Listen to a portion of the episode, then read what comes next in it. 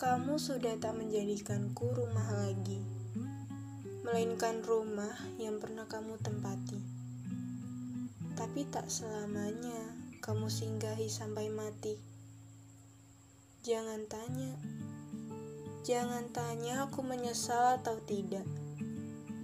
Itu sudah pasti terjadi, karena selama ini aku tak mudah membuka hati.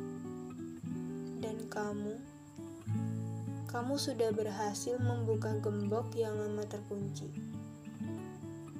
Andai, andai waktu bisa diputar kembali, aku ingin memperbaiki semua ini. Tapi sepertinya sudah terlambat. Sudah terlambat untuk memperbaiki kamu memutuskan pergi karena tak mau memberi luka dan kecewa untuk kedua kalinya. Tapi sampai sekarang, aku masih memikirkan hal ini. Kenapa kita tidak memperbaiki? Kenapa kita memenangkan ego sendiri? Kalau bisa diperbaiki, kenapa harus pergi? Kenapa pergi adalah jalan yang kamu pilih?